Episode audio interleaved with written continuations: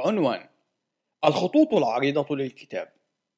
سوف تكون البداية من خلال تعريف ماهية الأدلة وسيتم تقديم عدد من الأدلة التي تدعم الخلق التوراتي في الفصل الأول وهي أدلة جيدة وصالحة للاستخدام في المناظرات حول الأصول في حال تم استخدامها بشكل جيد لكنها ليست الدليل الحاسم للخلق. إلا أنه من الضروري أن نفهم الجدلات المقدمة في المناظرات التي تتناول موضوع الأصول حتى نتعرف على سبب تميز الدليل الحاسم عن تلك الأدلة. في الفصل الثاني سوف نستعرض مفهوم الرؤية الشخصية للعالم، كما سوف نناقش المعايير الضرورية لتقديم حل عقلاني للجدل القائم. في الفصل الثالث سوف نقدم ثلاثة أمثلة تفصيلية عن الدليل الحاسم للخلق، وبطريقة ما يمكن أن يوصف الفصل الثالث على أنه قلب هذا الكتاب، وسوف يظهر بالتفصيل أسباب وجوب كون السرد التوراتي للخلق حقيقيا. في الفصل الرابع سوف نناقش كيفية استخدام الدليل الحاسم للخلق في حوارات مع الأشخاص المؤمنين بالتطور، علما أن هذا الفصل لا يتناول أنواع خدع إنما يظهر كيفية إجابة الخصم بطريقة عقلانية وفعالة. وتم تقديم عدة أمثلة افتراضية عن ذلك. في الفصل الخامس سوف نعمل على تطوير منهج عام للدفاع عن الخلق التوراتي والإيمان المسيحي بشكل عام.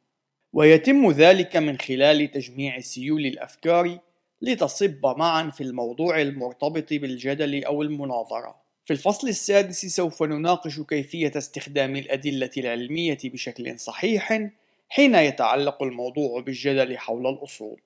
فالأدلة العلمية تكون عالية الفعالية في حال تم استخدامها بشكل سليم. وللأسف نجد أن الكثير من الأشخاص يستعملون طرقا غير فعالة ومليئة بالمغالطات المنطقية، لكن الاستخدام السليم للعلم يستطيع أن يكشف الضعف القاتل في النموذج العلماني للأصول. الفصل السابع يتناول النقاش حول المنطق والمغالطات المنطقية ابتداء من المغالطات غير الرسمية. إن المنطق هو أداة عالية الفعالية وقادرة على مساعدتنا على الوصول إلى الاستنتاجات الصحيحة، إلا أن المنطق غالبا يتعرض لسوء الفهم وسوء الاستخدام. وبشكل خاص حين يتعلق الموضوع بالدفاع عن التطور. الفصل الثامن يتابع النقاش بشكل أعمق حول المنطق والمغالطات المنطقية الرسمية. لا يتناول هذان الفصلان المغالطات المنطقية وطريقة كشفها فحسب، إنما أيضا يقدمان مجموعة من الأمثلة عن المغالطات المنطقية التي يتم استخدامها من قبل أنصار التطور والمدافعين عنه. والمسيحيون من ذوي الخبرة في الدفاع عن الخلق التوراتي قد يجدون البعض من هذه الأمثلة مألوفة، لكنهم قد لا يدركون سبب كونها مغالطات. في الفصل التاسع سوف نتعامل مع بعض المواضيع الإضافية التي تطرح بشكل عام عند الدفاع عن الخلق التوراتي.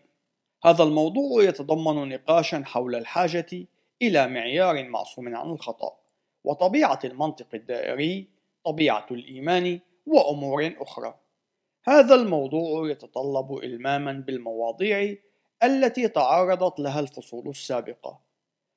أما الفصل العاشر فإنه يتناول مواضيع تتعلق بالكتاب المقدس مثل ما الذي يقوله الكتاب المقدس عن الدفاع عن الإيمان وكيف دافع الأشخاص الكتابيون عن الإيمان.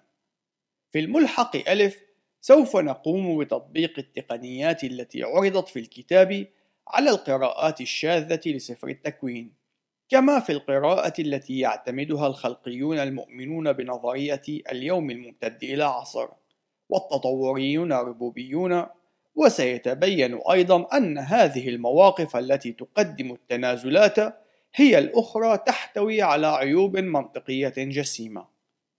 ويوجد بعد آخر مميز في هذا الكتاب وهو أنه يتجاوز حدود النظرية البسيطة حيث أننا سنقوم بتطبيق الدليل الحاسم للخلق من خلال أمثلة حقيقية وفي الملحقين باء وجيم سوف نتعامل مع عدد من الرسائل التي تم إرسالها من قبل المتشككين بالخلق التوراتي حيث سنقوم بتحليل الرسائل ومن ثم الرد عليها مستخدمين الدليل الحاسم للخلق مع المناهج التي تم التقديم لها في هذا الكتاب.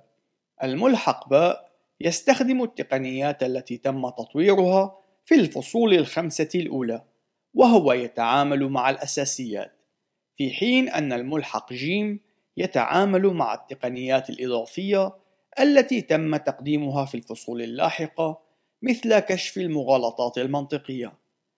هذه الملاحق تعطي القارئ فرصة لأن يتعلم من خلال الأمثلة وهي بمثابة تدريب للدفاع عن الخلق التوراتي باستخدام المنهج الذي تم تقديمه في هذا الكتاب.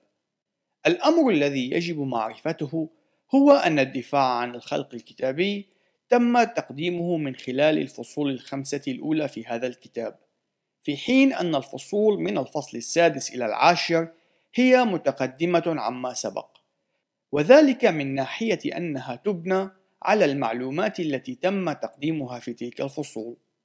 حقيقة الأمر إن كل فصل من الفصول يستند بالتصميم على المعلومات التي قدمت في الفصول التي سبقته، لذلك فإنه من الأفضل أن تقوم بقراءة الكتاب بحسب ترتيب الفصول في حال كانت هذه قراءتك الأولى له. إن معظم المناظرات التي تتناول موضوع الأصول لا تتعامل مع هذه المسألة، فهي بالغالب تعتمد على أسلوب السيرة الذاتية، حيث أن كل شخص يقوم بتقديم الأسباب التي تؤكد أن موقفه هو السليم والأصح، وغالبا ما يعمل طرفي المناظرة على تقديم قراءتهما للأدلة بشكل متناوب وذلك كل منهما بالاعتماد على معياره الشخصي. إنه الوقت الآن للذهاب إلى جوهر القضية وعمق الجدال لتقديم حل عقلاني لمشكلة الأصول. إنه الوقت المناسب للدليل الحاسم للخلق.